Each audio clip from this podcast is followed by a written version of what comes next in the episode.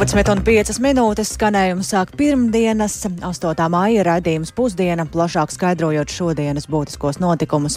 Studijā Dāca Pēkšēna. Labdien!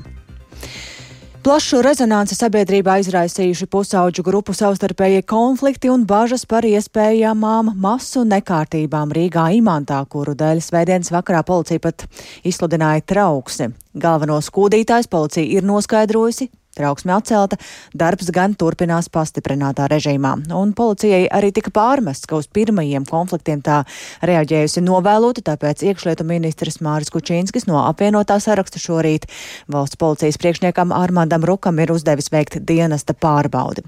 Tikmēr vecāki un skolotāji aicināti notikušo pārunāt ar bērniem, vienaldzīgi nav arī Imantas mikrorajona iedzīvotāji un vienā no Imantas skolām, kuras skolēni arī ir bijuši iesaistīti konfliktā šorīt bija arī mūsu kolēģe Agnija Lazdiņu, ar kuru esam šajā brīdī sazinājušies. Sveika, Agnija!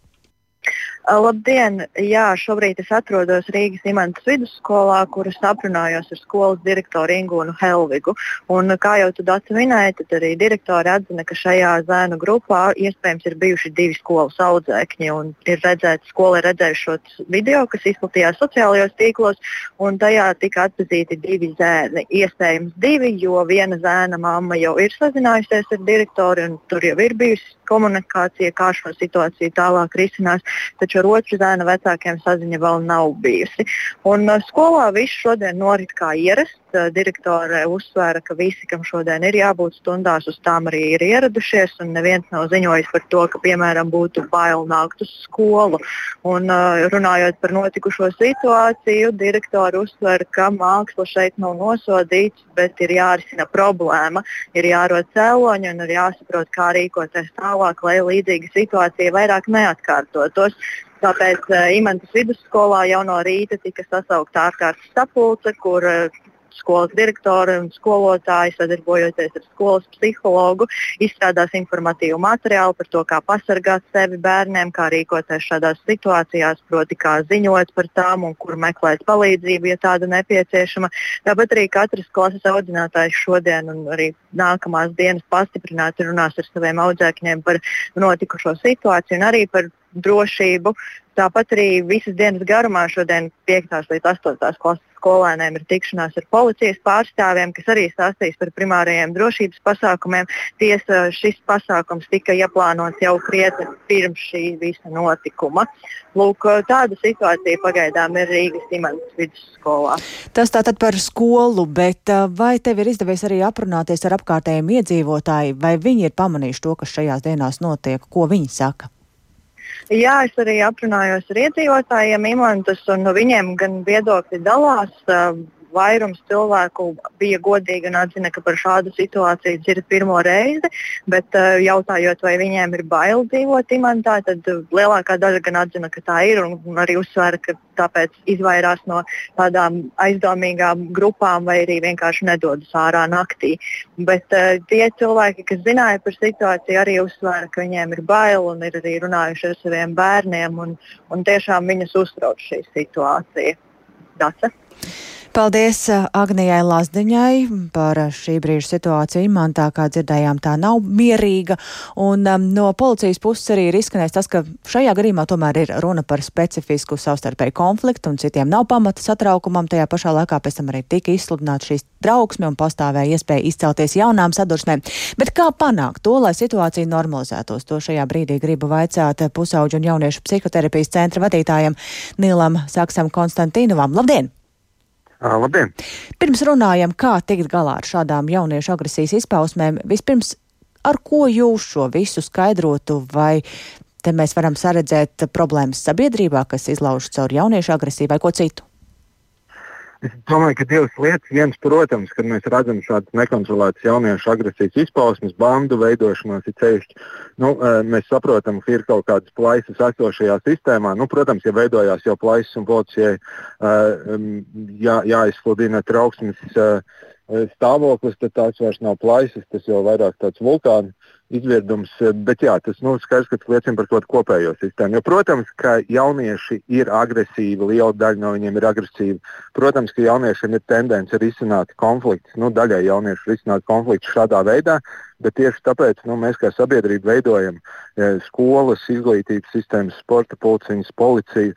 Vispārējo, lai to turētu kaut kādā kontrolē. Un gal galā, protams, var teikt, ka arī 90. gados um, pusauģu kāvās un, un, un jā, arī Amerikas geto mēs redzam, ka ir bruņotas jauniešu bandas, bet tomēr Rīga nav ne 90. ne Amerikas geto.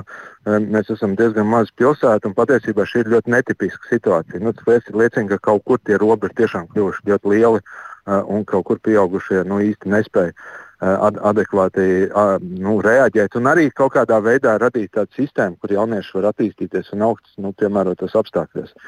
Protams, tur arī otra lieta, ka e, tāda nu, konkrēta šī gadījuma lieta, jo mēs jau varam mācīt jauniešiem, cik daudz mēs gribam, ko darīt, kā ziņot, kā rīkoties, kā sev pasargāt. Bet, nu, ja tā izrādīsies taisnība par, par to, kā policija reaģējas, ja jaunieši vai vecāki ziņo un, un, un policija neierodās notikuma vietā, neierodās stundas laikā vai vēl vairāk, nu, tad, tad tā sistēma, protams, nedarbosies tā, vai cik labi mēs, mēs uzturētu vispārējo.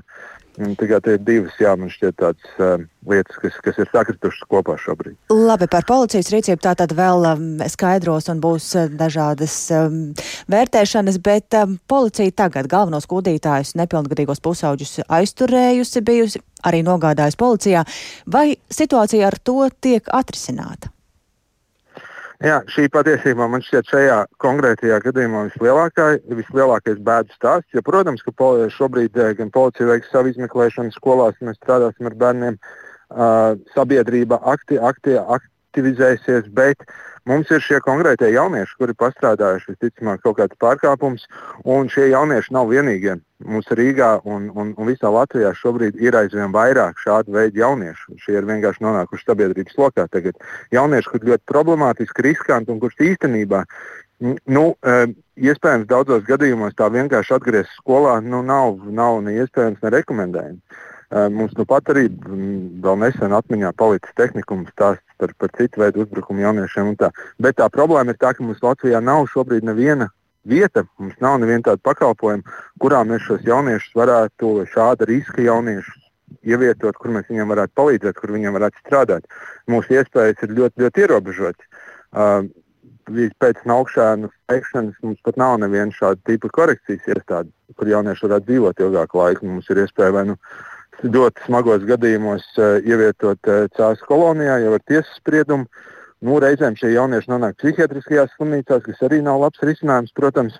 Nu, vai arī viņi nonāk kaut kur um, dažādu speciālistu kabinetiem, kas arī nav piemērots risinājums šiem jauniešiem. Nu, līdz ar to mums ir tāda situācija, kur sabiedrībā ir diezgan daudz ļoti augsta riska jauniešu, agresīvi, iespējams, vardarbīgi, bet mums nav vietas, nav pakalpojumu, kur viņus varētu uh, nu, ilg, ilgstošāk. Ja, Bet tas nozīmē, ko tas ir jārisina valstiskā mērogā šobrīd? Jā, protams, to var tikai valsts atrisināt. Tur mums reāli ir nepieciešama šāda iestāde. Nu, tas ir pirmais solis, par to arī daudz mēs speciālisti starpā runājam. Mums vienkārši nav valstī šādas vietas. Mēs esam viena no ļoti retajām šķiet Eiropas Savienības valstīm, ne vienīgā, kur vispār nav nevienas šādas vietas. Jo nu, ļoti praktisks jautājums, ko mēs šobrīd darīsim tieši ar šiem jauniešiem. Izrādīsies, viņi ir pastrādājuši šāds vardarbīgs noziegums, izrādīsies, ka viņi bruņojās, pulcējās bandās. Kas būs tā vieta, uz kuriem mēs viņus sūtīsim? Mēs viņus nevaram sūtīt atpakaļ uz skolu. Eh, visticamāk, ģimenes ar viņiem netiek galā. Tas loģiski. Ko mēs ar viņiem darīsim? Un šobrīd mums nav nekas, ko mēs varētu ar viņiem darīt. Bet šāda iestāde noteikti būtu tāds ilgstošāks risinājums. Kas būtu jādara, ko mēs varētu darīt šajā brīdī, nu, lai novērstu tomēr arī tādus nu, līdzīgus kautiņus tuvākajā nākotnē? Nu, eh, patiesībā ļoti, ļoti liels iespējas tā īstermiņa risinājumam būs tas, kā policija reaģēs. Jo nu, jauniešiem ir no vienas puses, es dzirdēju iepriekšējā komentārā, ka ne, nevajag sodus, e, nevajag meklēt vainīgos. Manuprāt, ka vajag meklēt vainīgos, jo jauniešiem ir ļoti svarīgi saprast tās sekas šobrīd. Un lai viņi atturās pret reālām sekām, pret kādām reālām robežām. Un tas ir ļoti svarīgi no abām pusēm, jo gan e, šie riska jaunieši sapratīs, ka viņa rīcībai var būt kaut kādas sekas un, un, un ka viņi nu, ka tomēr pastāv šīs robežas, bet arī tie, kas ir potenciāli apdraudēti un pārējie skolēni sapratīs, ka pieaugušajiem tas nav vienalga. Un ka pieaugušie spēj kontrolēt situāciju. Jo tā sajūta šobrīd lielā mērā ir tieši par to, ka pieaugušie nespēja kontrolēt situāciju. Nu, līdzīgi kā policija, kura uh, ļoti pretrunīgas ziņas, piemēram, sniedz un, un tikko jaunieši sajūt, ka pieaugušie nekontrolē situāciju, tā radās vai nu trauksme un bailes, vai arī radās no šādas vardarbīgas reakcijas. Un varbūt pavisam īsi, vai jūsuprāt tā reakcija no visām pusēm šajā brīdī ir bijusi adekvāta? ja godīgi šobrīd man šķiet, tās reakcijas vēl tikai ienāk. Uh, pr protams, ka pārsteidza policijas reakcija vakar, nu, kas, kas no vienas puses aicināja nesācināt uh, Eh, situāciju un izturējās un nosauca to par tādu parastu bērnu strīdu, lai arī nu, tajā nav, protams, nekā, ne, nekā parasta. Uh, nu, bet es domāju, ka mums ir ļoti svarīgi arī šodien, tuvākajās dienās, un to starp, kas, kas, kas būs tās lietas, ko uh, politiķi paudīs, un to, to starp, ko, ko vadošo sfēru varbūt ministri paudīs. Jo atkal jau tas, vai mēs uh, nu, risināsim šo konfliktu atkal vienkārši aprunājoties konkrētajā skolā, Uh, un tad gaidot, ka viss kaut kā izlīdzināsies, vai arī tiks domāts par kaut kādiem lieliem risinājumiem, kurus, kā jau minēju, var tikai valsts ieviest. Paldies! Dzirdējām pusauģu un jauniešu psihoterapijas centra vadītāju Nilu Saksu Konstantīnovu un par jauniešiem arī turpinām, jo šodien arī pusauģu resursu centrs aktualizē tematu par pusauģu mentālo veselību un rīkojot Um, līdz ar to rīko arī īpašu diskusiju Rīgā, Tallinas ielas kvartālā, atgādinot, cik tā ir liela nozīme. Un šim pasākumam šodien seko līdzi kolēģis Skirmanta Baļķūta, un ar viņu esam šajā brīdī sazinājušies. Sveiks, Skirmanta! Uh, labdien! Nu, es uzreiz pateikšu, ka liels uh, mentālās, jauniešu mentālās veselības festivāls notiek uh, par godu pusauģa resursu centra piecu gadu jubilējai. Un jāatzīmē, ka šā laika posmā pakalpojuma apmērs krietni izauga. Sākumā tas bija tikai viens kabinets bērnu slimnīcā, bet tagad Latvijā jau strādā deviņi reģionālie pusauģu resursu centri. Palīdzību jau ir saņēmuši piecu gadu laikā vairāk nekā desmit tūkstoši jauniešu, bet neskatoties uz uzlaboto pieejamību, pieprasījums joprojām ievērojami pārsniedz piedāvājumu. Pašlaik vēl 572 pusauģi gaida rindā. Statistiskie dati liecina par to, ka lielākā daļa cieš no depresijas, trauksmes, attiecību grūtībām, motivācijas trūkuma un uzvedības traucējumiem. Un tieši jauniešu psihiskā veselība šobrīd ir izvirzīta par prioritāti valsts līmenī. Lūkā situāciju raksturo bērnu slimnīcas psihiatrijas klīnikas vadītājs Nikita Bezborodovs. Ja mēs skatāmies tieši uz jauniešiem, bērniem un jauniešiem, tad uh, tieši psihiskās veselības traucējumi ir tie, kas rada vislielāko uh, slogu, ja, vislielāko darba nespējas, ja, tad uh, zaudētie dzīves gadi, tie saistīti šeit populācijā tieši ar psihiskiem traucējumiem ņemot vērā, ka resursi ir ierobežoti, kad mēs ieguldam resursus palīdzībā. Protams, ka, liekas, ka tas ir diezgan loģiski, ka mēs gribam ieguldīt pakalpojumos, vai programmās, vai palīdzības metodēs, kas vismaz teorētiski var nest uzlabojumu. Tas ir diezgan pragmatisks moments, bet ļoti, ļoti svarīgs. Un veidojot pusauģu resursu centru nu, jau piecus gadus atpakaļ, nu, principā tie ir tie punkti, pēc kuriem mēs esam vadījušies. Speciālisti saka, ka jauniešu mentāla veselība Latvijā strauji pasliktinājās pandēmijas laikā. Turklāt mūsdienu pusauģu dzīvē ienāk ar vien jauni izaicinājumi un trendi. Uh, ar kuriem viņa netiek galā, un netiek galā arī viņu vecāki. Pie tām parasti jaunietim ir vairāki psihiskie traucējumi vienlaikus. Nu, piemēram, viņš var ciest no depresijas, gan no trauksmes, gan viņam var būt paškaitējuma risks. Tieši tāpēc pusauģu resursu centros strādā speciālistu komandas, kas spēj sniegt eh, dažāda spektra palīdzību gan jaunietim, gan viņa ģimenei. Par to visu arī šodien var uzzināt plašajā festivālā, kas līdz 8. vakarā norisināsies Tallinas kvartālā. Kolēģi! Paldies Skirmantai Baļķūtei par šo stāstījumu. Tātad festivāls turpinās vēl visu dienu.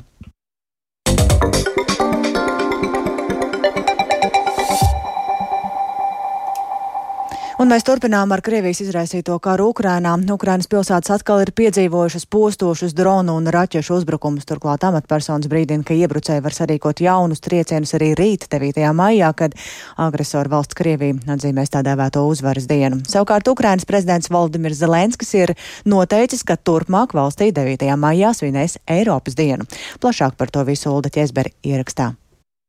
Ukraina aizvadītajā naktī piedzīvoja masveidīgu Krievijas dronu šahedu uzbrukumu. Ukrainas gaisa spēki paziņojuši, ka pretgaisa aizsardzības sistēmām ir izdevies iznīcināt visus 35 lidrobotus, kas esot palaisti no militārā lidlauka Brianskas apgabalā. Vairums no droniem bija notēmēti pa galvaspilsētu Kīvu, kur vismaz pieci cilvēki guva ievainojumus krītot notriekto dronu atlūzām. Par aizvadītajā naktī pieredzēto Kīvā šorīt raidījumā labrīt stāstīja Latvijas Latvijas radio korespondente Indra Sprānce. Gaisa trauksme šonakt ilga vairāk nekā trīs stundas, un šonakt šeit uh, Kīvā bija arī ļoti labi dzirdams, kā strādā šī pretgaisa aizsardzība, bija dzirdams spēcīgi blīkšķi, un, un uh, krītot šiem notriektajiem droniem ir nodarīti postījumi, ir zināms par vienu dzīvojamo ēku, sadegusi arī kāda automašīna, tāpat arī informācija, ka atlūzas nokritušas arī uz pasažieru lidostas skrejceļa. Vēl krītošas atlūzas ir nodarījušas postījums arī kādai ļoti apjomīgai degvielas tvertnei. Tikmēr Odesas apgabals Ukrainas dienvidos šonakt pieredzēja Krievijas raķešu triecienus. Uzbrukumos izmantotas spārnotās raķetes H-22. Viena no tām trāpīja noliktavai, kur izcēlās plašs ugunsgrēks, kura dzēšana turpinājās vairākas stundas. Par bezvēsts pazudušu uzskata vienu noliktavas darbinieku. Vēl trīs cilvēki uzbrukumā guvuši ievainojumus. Ukrainas aizsardzības ministra vietniece Hanna Maļa Maļara brīdinājusi, ka rīt Krievija varētu sarīkot masveida raķešu triecienu pa Ukrainas pilsētām. Maļara atgādināja, ka Kremlim ļoti patīk vēsturiski datumi, tāpēc nevar izslēgt iespēju, ka 9. maijā Krievija veiks jaunus gaisa uzbrukumus Ukrainai. Krievijā 9. maijā atzīmē tā dēvēto uzvaras dienu par godu otrā pasaules kara beigām. Ilgus gadus arī Ukrainā 9. maijs bija svētku diena, bet tagad Ukraiņu attieksme pret šo datumu ir mainījusies mainījusies. Ukrainas prezidents Volodimirs Zelenskis šodien paziņoja, ka viņš ir iesniedzis augstākajā radā likumprojektu, kas paredz noteikt 8. māju par dienu, kad piemin Otrajā pasaules karā kritušos un atzīmē uzvaru pār nacismu. Savukārt 9. māju Ukrainā turpmāk oficiāli atzīmēs kā Eiropas dienu, sacīja Zelenskis. Zaras, jaki 80 rokļu tomu. Ukraina bieться проти totālного zla. Tagad, tāpat kā pirms 80 gadiem, Ukraina cīnās pret kopējo ļaunumu. Tagad, tāpat kā pirms 80 gadiem, Ukraina cīnās par nākotni, savu, visas Eiropas un visas brīvās pasaules nākotni. Tagad, tāpat kā pirms 80 gadiem, mēs paļaujamies uz brīvo valstu kopējo spēku un zinām, ka kopā ar tām mēs vienmēr būsim daļa no brīvas Eiropas, kas nepakļausies ļaunumam. Un kopā ar visu brīvo Eiropu 9. maijā Ukrainā atzīmēsim Eiropas dienu. Vienota Eiropa, kuras pamatā vajadzētu būt un būs miers. Mūsu Eiropa, kuras daļa Ukraina vienmēr ir bijusi, ir un būs. Šodien es parakstīju rīkojumu, ka no rītdienas katru gadu 9. maijā mēs pieminēsim mūsu vēsturisko vienotību. Visu Eiropiešu vienotību, kas iznīcināja nacismu un uzveiks arī rasismu. Які знищили нацизм і переможуть рашизм. Zelenskis arī uzsvēra, ka neviena valsts nedrīkst piesavināties uzvaru pār nacistisko Vāciju. Uldis Česberis, Latvijas radio. Un atgriežoties pašmājās, pēdējos mēnešos patēriņš un mājsaimniecību spēja tikt galā ar augstajām izmaksām samazinās, tā liecina SEB bankas pasaules un Baltijas ekonomikas apskata Nordic Outlook atjauninātās prognozes. Un, kā saka bankas ekonomists Dainis Gašpuitis, augsto enerģijas cenu un inflācijas dēļ jau ziema bija sarežģīta, bet smagākais punkts ekonomikā vēl varētu būt priekšā. Un kāpēc tā? To paklausīsimies viņa teiktajā šorīt kolēģim Kristapam Feldmanim programmā Labrīt! Procentu likmju kāpuma ietekme tikai veidojās gan Latvijā, gan Eiropā, ASV. Iedzīvotāju uzkrājumu tādi drošības spilveni tērējās šobrīd, protams, pozitīvā tendence vērojams pakalpojumu sektoros, bet tas pozitīvais efekts, kas bija iepriekšējos gados, ko mēs redzējām preču patēriņā, šobrīd ir vājais posms. Līdz ar to šis gads būs pietiekami stagnatīvs un vēl joprojām pastāv diezgan augsts recesijas risks. Un tādēļ eh, varētu teikt, ka šogad visdrīzāk izaugsmas ziņā šis gads paies teikt, par tukšo. Ja. Jūs teicāt, ka smagākais vēl ir priekšā. Tas būs jūtams katram cilvēkam ikdienā, vai tomēr tas ir skatāms tādā valstu mērogā, plašāk? Katrā ziņā arī individuāli jā, sarežģītākais posms potenciāli vēl priekšā, jo mēs redzam, ka, lai arī inflācija krīt, to veido enerģijas cenas kritums, kas šobrīd, protams, arī zināmā mērā aktualitāti tik augstu neuztur, jā, jo mums šobrīd apkura vai siltums nav nepieciešams. Bet skatoties pārtiks cenās, tur mēs redzam, ka vēl tas spiediens saglabājas. Tas, protams, ir diezgan nepatīkami visā pasaulē pārtiks cenas ir ļoti tāda grupa, ka mājsaimniecības izjūt visāsāk. Un, skatoties uz priekšu, tā inflācijas ietekme šobrīd varētu sākt arī pastiprināties dēļ tā, ka daudziet arī šie atbalsta pasākumi sāk pazust, viņus atceļ. Tie, kas bija ieviesti pagājušā gadā un iepriekšējā gadā, atbalstot pandēmijas pasākumus, gan arī atbalstot no enerģijas cenām. Līdz ar to tā atgūšanās būs vērojama tikai šī gada beigās bet eh, pirktspējas kritums vēl labu laiku vēl turpināsies. Un, ja vidē mēs sāksim runāt, ka sāk atgūties pirktspēja, tad sabiedrībā tas nenotiks vienmērīgi. Un vēl viens mūsu stāsts par to, ka Latgalē pieauga interese par zaļās enerģijas ražošanu. Piesaistot teju divu miljonu eiro investīcijas, Lūdzes novadā uz robežas ar Zilupu sākts būvēt saules enerģijas elektrostāciju. Un plānots, ka tā elektroenerģiju nodrošinās vismaz 1300 mājasaimniecību. Vairāk par to Īvetes Čigānas ierakstā. Patreiz šeit ir pļava. To mēs tur mazliet pielīdzināsim, izlīdzināsim un jā, veiksim konstrukcijas montāžu, rāmēšanu, dzīsim iekšā zemē metāla pāļus, nu, rāmu profilus un skrūvēsim konstrukciju. Un tad virzienā uz dienvidiem arī izvietosim saules paneļus. Pierobežā Zilupes pilsētas pievārtē ar krūmiem aizaugušais pakalns, kur iedzīvotāji bija ierīkojuši nelegālu atkritumu izgāstuvi pārvēršas līdz nepazīšanai, jo te uzsākta saules enerģijas elektrostacijas izbūve. Kā atklāja būvdarbu vadītājs Jānis Bērziņš, pašlaik notiek teritorijas sakārtošanas darbi, kā arī spēkstacijas konstrukciju izbūve. Gan drīz visa pļava arī būs apbūvēta. Pa vidu mums ies ceļš, lauks būs sadalīts divās daļās. Tā kā varētu teikt, austrumu nogāze un rietumu nogāzē. Mazliet vairāk par 5000 paneļu tiks uzmontēti. Kopējo jau 2,8 MW. Jānis Bērziņš uzsver, ka te Zilupē saules paneļu parks atrodas blakus vietējai elektrostacijai. Jaunās elektrostacijas jauda nodrošinās zaļo enerģiju, kas aptuveni atbilst Zilupes pilsētas iedzīvotāju kopējās elektrības patēriņam. Savukārt papildus saražotā elektrība būs pieejama Lūdzes un citu Latvijas novadu iedzīvotājiem. Principā šī stacija ražos elektrību un dos viņu sadalījuma tīklam, un sadalījuma tīkls jau tālāk skatīsies, kā nu sadalīs. Bet nu, teorētiski, jā, pirmie patērēs vietējie iedzīvotāji zaļo elektroenerģiju. Tā kā līdz ar to Zilupe būs zaļi patērējoša pilsēta. Nu, montāžas darbs mēs plānojam pabeigt līdz jūnija beigām. Pieslēgšana, es domāju, ka būs noteikti līdz šī gada beigām. Zilupes saules enerģijas elektrostacijas īpašnieks ir pašmāju investīciju uzņēmums Merito, kas ieceres īstenošanai piesaistījis ekspertus no uzņēmuma Saules enerģija. Abi uzņēmumi īsteno deviņu elektrostaciju būvniecību Latvijā, taču Zilupes SES ir pirmā, norāda Saules enerģija valdes loceklis Māris Plūme. Latvija nesēžot pietiekami daudz elektrības, cik pats patērē. Un tas šī deficīts ir īpaši aktuāls vasaras mēnešos, kad savukārt ir saule. Un tāpēc jūlijā pagājušā gadā Latvijā pietrūka, tika importēta 330 tūkstoši megawattstundu.